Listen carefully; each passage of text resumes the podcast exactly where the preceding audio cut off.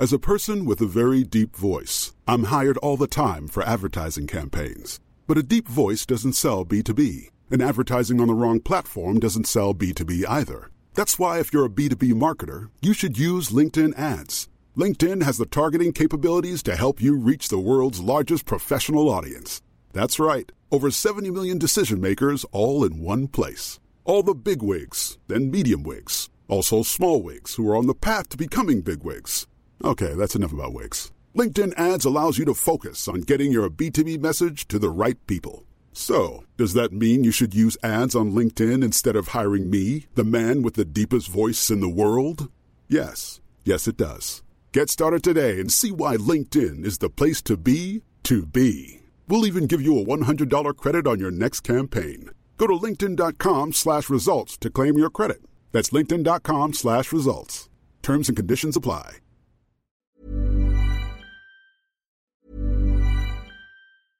A new year is full of surprises, but one thing is always predictable postage costs go up. Stamps.com gives you crazy discounts of up to 89% off USPS and UPS services. So when postage goes up, your business will barely notice the change. Stamps.com is like your own personal post office, wherever you are. You can even take care of orders on the go with the mobile app. No lines, no traffic, no waiting. Schedule package pickups, automatically find the cheapest and fastest shipping options, and seamlessly connect with every major marketplace and shopping cart. There's even a supply store where you can stock up on mailing supplies, labels, even printers. Stamps.com has been indispensable for over 1 million businesses just like yours. All you need is a computer or phone and printer. Take a chunk out of your mailing and shipping costs this year with Stamps.com. Sign up with promo code PROGRAM for a special offer that includes a four week trial, plus free postage and a free digital scale. No long term commitments or contracts. That's Stamps.com code PROGRAM.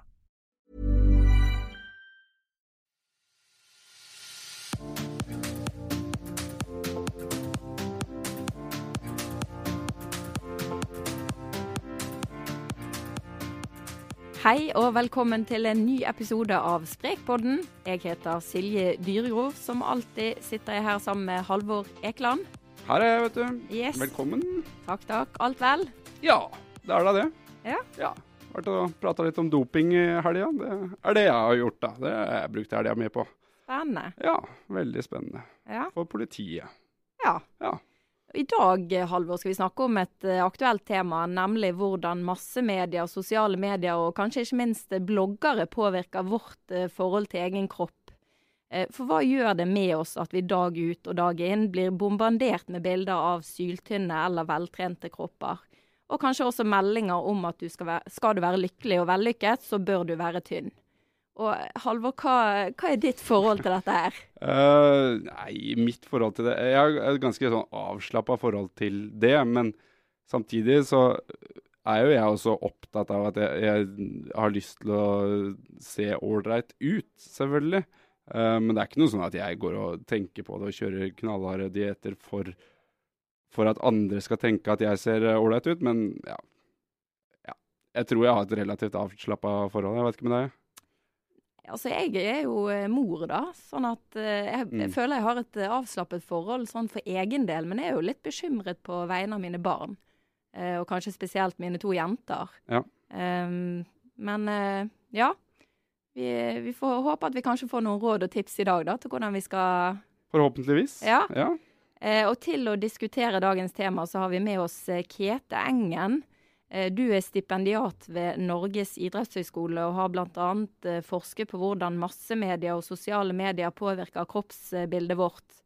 Og eh, hva, hva tenker du om alle bildene vi ser av såkalte idealkropper, og hva de gjør med oss?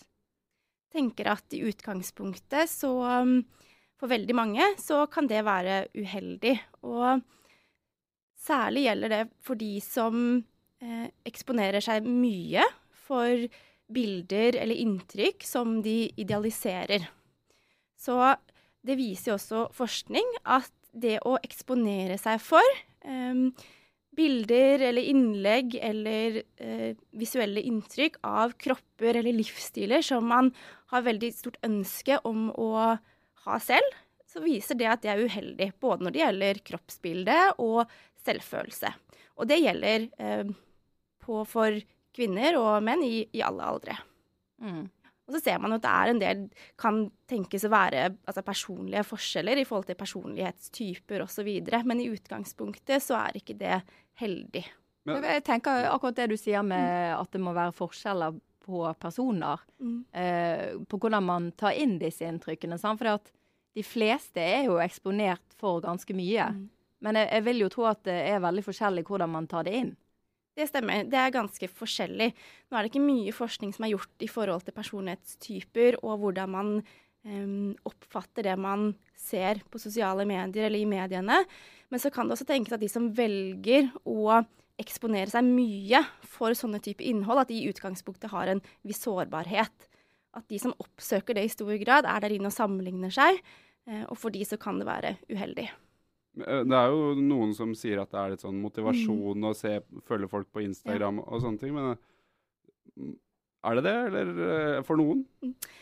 Mange sier jo det at de blir inspirert og motiverte av å eh, eksponere seg, eller følge profiler på f.eks. Instagram som eh, poster bilder av eh, trente kropper og hva de spiser.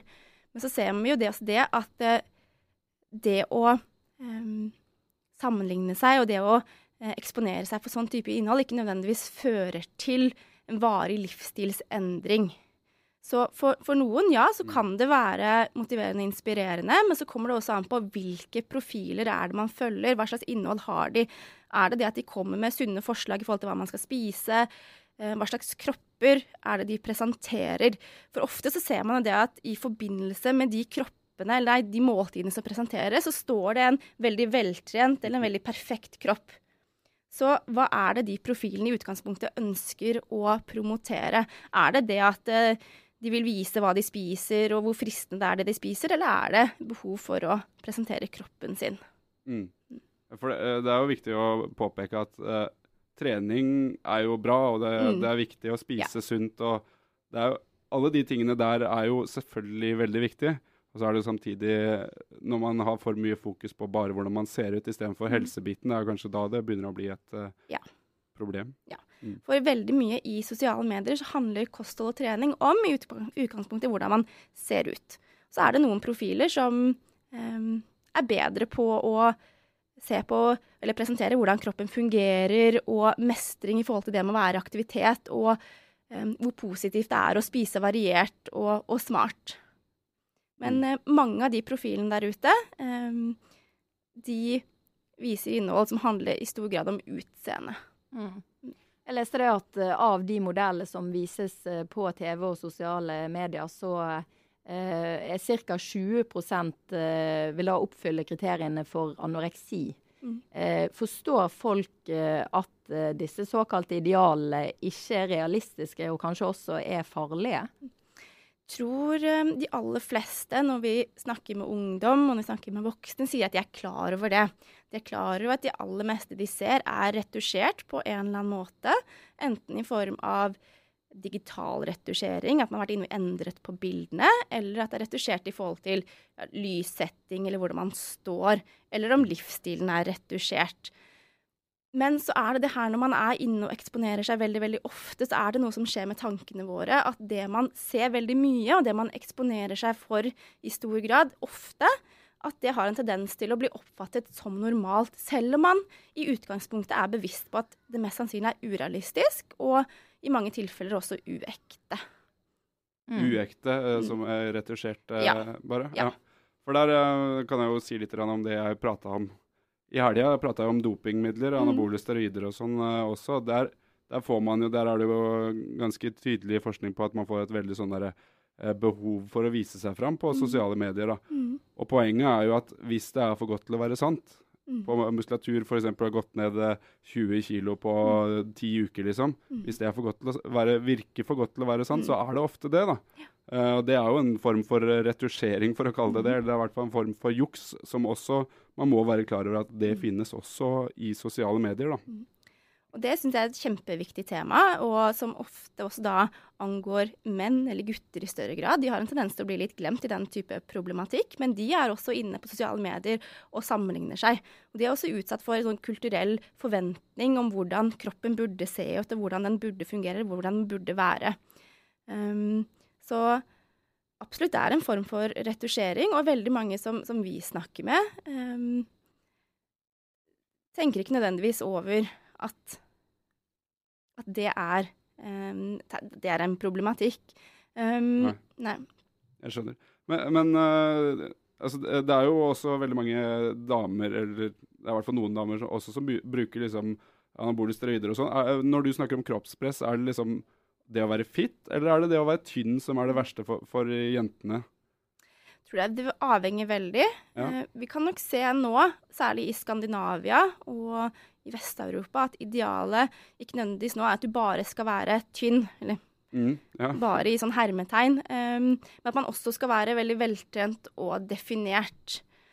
Også som du sa, da, det der, man, hvis det ser som at muskulaturen er på en måte unødvendig eller urealistisk stor, at man har fått til en viss vekst på en urealistisk kort tid, så ser man ikke nødvendigvis eh, nå hvem som bruker, og hvem som ikke bruker. Fordi at man bruker kanskje en type preparater som ikke gir den ekstreme volumet, men som heller handler om å miste fettprosent og få en mer definert muskulatur. Og Det ser man hos jenter også, at det kanskje er mer og mer viktig. Ja. Eh, vi ser på noen av de spørsmålene som vi stiller, f.eks., som handler om det med å ønske om å ha en veldefinert kropp, så ser det ut til at gutter og jenter er ganske like. At det ikke er så store oh, ja. forskjeller. Ja. Er vi det? Eh, hvordan da? Eh, I form av hvor attraktivt og hvor viktig man tenker at det å ha en, en veldefinert og muskuløs kropp, hvor viktig det er. Mm. Altså, hva, hvor går veien videre fra eh, det at man har et, kanskje et dårlig selvbilde, til å utvikle en spiseforstyrrelse? Mm. Det er det mange som, som lurer på. Så det er viktig å, å, definere noen begreper. For det å ha en spiseforstyrrelse det er en alvorlig diagnose. Og så er det ganske mange kriterier som skal være oppfylt for at man kan få eh, en diagnose som de ulike spiseforstyrrelsene. Så vet vi også det at kroppsbildet er kanskje den, en av de viktigste faktorene for livskvaliteten vår. Så det å være misfornøyd med, med det kroppen man har, er alvorlig, selv om man ikke nødvendigvis eh, har atferd og tanker og følelser som oppfyller alle kriteriene for det å ha en spiseforstyrrelse. Så eh, det å følge med på eller følge profiler og sosiale medier som viser trente kropper, er ikke nødvendigvis det som gjør at noen får en spiseforstyrrelse. Så det er litt viktig å, å um, påpeke. Men det kan være en triggende, en utløsende faktor for enkelte, og det kan gjøre også at mange får et dårligere forhold til den kroppen de har. Og det vet vi at er ugunstig for både fysisk og, og psykisk helse. For kroppen har jo blitt liksom et av de viktigste statussymbolene i Norge. Det er jo folk som skriver opp liksom på CV-en sin uh, tiden sin på Birken. Mm. Altså det har blitt en veldig sånn ja. fokus på det der, da. Særlig sånn i sosiale medier. og Det var vel i 2011 hvor man på Facebook kunne begynne å kommentere og like bildene til hverandre. Da kom også Instagram. Og den responsen man får når man legger ut noe på i bildeform. Man kan få likes, man kan få kommentarer. Så får man en umiddelbar respons på, um, på hvor populær eller hvor bra, hvor bra, andre tenker at du er. Mm. Um, så det med kropp har blitt en veldig effektiv kommunikasjon, kommunikasjonsform. Hvor man da kan kommunisere hvem man er, hva man står for, eh, hvilken livsstil man har. Veldig effektivt og veldig raskt. Mm. Ja, er det ikke sånn at uh, mange unge jenter uh, kanskje definerer sin verdi ut ifra utseendet i dag? Ja, det, mm, det, er det absolutt mange som, som, gjør. Og særlig den responsen man da får på det man legger ut, blir veldig viktig. Noen av de elevene vi har eh, snakket med på videregående skole, når vi har vært rundt og besøkt de og pratet med de, de sier at um, Vi spør de da om ja, hvor, er, hvor, hvor, mye er bra nok likes, hva er på en måte er mange nok? Mm. Og da er det en del som sier at nei, hvis de får under 300 likes på et bilde, så sletter de det, for da er det en så, såkalt fail. Nå må jeg slette mye fra Facebook. Jeg, jeg tror jeg må sette omtrent alt. Det er, det er, ikke alle som, som, tenker sånn, men det er på en måte noen eksempler på, på hva som Viktigheten av det å få respons da, på utseendet, hvor viktig det er den tilbakemeldingen man får på hvor bra man er. da. Ja, jeg er jo litt bekymret, eh, som jeg nevnte i sted, som mor da, til tre barn og to jenter. Eh, Eh, hva kan jeg og andre foreldre gjøre for å gi barna et sunt selvbilde og unngå at de blir påvirket negativt? Det er kjempeviktig, den rollen man har som forelder. Og det som er viktig da, er at man er litt bevisst på hva slags forhold er det man har til, en, til egen kropp. Hvordan er det man kommuniserer det forholdet man har til seg selv og sin kropp? Er det sånn at man snakker negativt om seg selv? Er det sånn at man um, prøver å gå ned i vekt og kanskje kommer med innspill om 'Å nei, nå, uff, nå, har jeg gått opp i vekt, og kan jeg gå med denne kjolen?' For det er sånt noe som barn, både jenter og gutter, pluk, plukker opp veldig fort. Og så er det noe med hvordan man kommenterer andre, eller andres kropper. For det å snakke om kropp, det er veldig naturlig. La oss si man sitter i bilen, så går det, går det en person over gata, og så kanskje kommer man med en kommentar.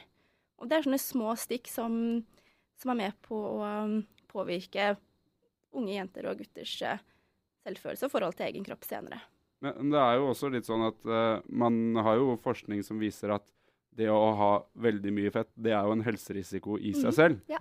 Uh, så det å være skikkelig rund, da, det er jo faktisk uh, skadelig for deg, det mm, også. Mm, ja.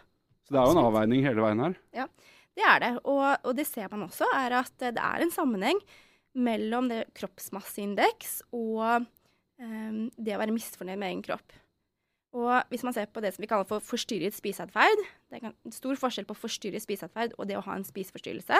Så man kan se på forstyrret spiseatferd som en forløper, eller at man har et sett av risikofaktorer, f.eks. Så man at det er en sammenheng mellom vekt og forstyrret spiseatferd. Hva er forstyrret spiseatferd, da? Sånne eksempler? Mm, det kan f.eks. være at man er veldig misfornøyd eh, med den kroppen man har. At man eh, benytter litt uheldige metoder for å endre på fasong eller på vekt. F.eks. at man hopper over måltider, eh, man prøver å gå ned i vekt selv om man kanskje ikke har behov for det. Eh, eller at man trener veldig, veldig mye. Mm. Som tilsier at man ikke Hvis man trener så mye at det går utover helsen. At man får ikke restituert nok, eller man trener på tross av at man er syk eller skadet. Og, ja. Men hvis man liksom har en sånn type helt vanlig kropp, da, og så har man lyst til å kanskje ta et par kilo, det er jo ikke er det farlig det, liksom? Det... Nei, det er ikke farlig. Det er ikke det. Men man må se på hva er grunnen til at man velger å gjøre det. Hva er motivet bak det man gjør. Trener man fordi at det er gøy, fordi det er sosialt og fordi at man vil ta vare på egen helse, eller gjør man det utelukkende fordi at man vil se annerledes ut, man vil endre på kroppen og kroppens utseende? Mm. Hva, hva, er jeg håper si, varseltegnet, da, hvis man ser på dette med foreldre, mm, altså inn mot barna? Hva, hva kan foreldre se etter?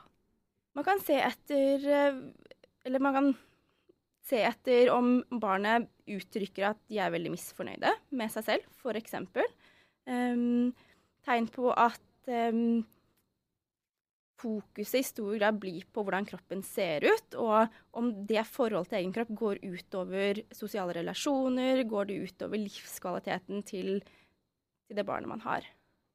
Og så selvfølgelig er det en del av risikofaktorer som man ser i forhold til det med spiseforstyrrelser, men det er noen forløpere som man kan kan se på. F.eks. For et forhold til egen kropp. Mm. Det må jo være veldig vanskelig som forelder å, liksom, mm. å ta det, da.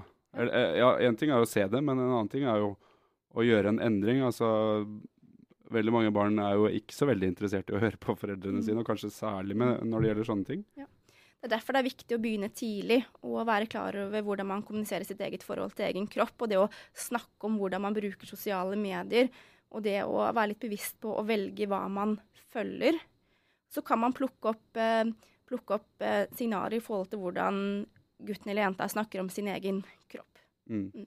Vi i media også bør vel kanskje ta et større ansvar her, vi som skriver om disse tingene. Jeg tror definitivt vi også ja. må være, være, veldig bevisste på det. At uh, OK, mye av kroppspresset kommer kanskje i sosiale medier, men veldig mye av det kommer jo også gjennom media. Mm. Å skrive om liksom superslankerne som eh, går ned 20 kilo på ti mm. uker. liksom det. Og ikke minst bildene vi velger ut. sant? Ja. At vi velger bilder av eh, normale kropper, og ikke disse helt superfitte, supertynne. Mm. Nei, i hvert fall når man skal skrive om sånne type saker. det er klart, mm. Eh, skal du skrive om en uh, fitnessutøver som har gjort det veldig bra, så er det vanskelig å ikke velge de bildene. da, men... Uh, det er kanskje noe med å um, tenke på hva er det man skriver om, hva er det man har lyst til å formidle med det man skriver, at kanskje bildene står i forhold til det. Og så fokusere litt mer på trening og kosthold i forhold til hvordan kroppen fungerer, og ikke nødvendigvis hvordan den ser ut. Mm. Ja. Det er viktig. Absolutt. Hør, hør. Yes. Jeg tror tiden vår rett og slett er over, jeg. Ja. ja. Sånn kan det gå. ja. Takk til uh, vår gjest uh, Kete Engen. Takk skal du ha. Ja, Mhm. og til Alvar Ekeland. Og takk til deg, Silje. Takk. Og vi håper at eh, du vil høre på oss også neste gang. Da kan du laste oss ned på iTunes, eller søke oss opp i Soundcloud eller i Spotify. Og følge oss gratis rett inn på telefonen din. Takk for oss. Takk for nå.